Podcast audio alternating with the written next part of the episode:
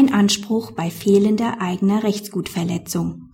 Setzt ein Unternehmen für den verletzten Mitarbeiter eine Ersatzkraft ein, so sind die dadurch verursachten Kosten nicht erstattungsfähig.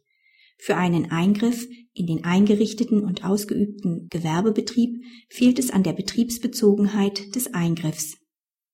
Die Klägerin, deren Fahrer in einen Auffahrunfall mit dem bei der Beklagten versicherten Fahrzeug verwickelt war, machte Kosten für einen Ersatzfahrer geltend, weil ihr Mitarbeiter durch den Aufprall verletzt und drei Wochen verletzungsbedingt ausgefallen war.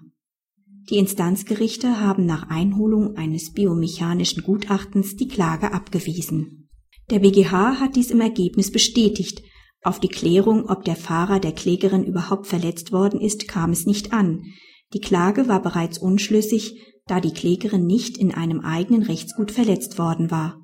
Insbesondere lag ein Eingriff in den eingerichteten und ausgeübten Gewerbebetrieb wegen Fehlens eines betriebsbezogenen Eingriffs nicht vor. Dass die Instanzgerichte die Klägerin nicht darauf hingewiesen haben, dass die Klage auch auf einen nach dem Entgeltfortzahlungsgesetz übergegangenen Anspruch hätte gestützt werden können, stellt keine Verletzung der richterlichen Aufklärungspflicht dar. Die Vorinstanzen sind von der Schlüssigkeit des Klagevorbringens ausgegangen. Daher bestand keine Verpflichtung, über deren Unschlüssigkeit aufzuklären. Praxishinweis. Ein für die Klägerin in der Begründung sicherlich wenig befriedigendes Urteil. Das Amtsgericht und das Landgericht haben die Klage für schlüssig erachtet und Beweis über die streitige Frage der HWS-Verletzung erhoben. Dies war jedoch nicht geboten. Die Kosten für die Ersatzkraft sind nach ständiger Rechtsprechung als bloß mittelbarer Vermögensschaden nicht ersatzfähig. Eine Verletzung der Klägerin in ihren eigenen Rechten nach 823 BGB lag nicht vor.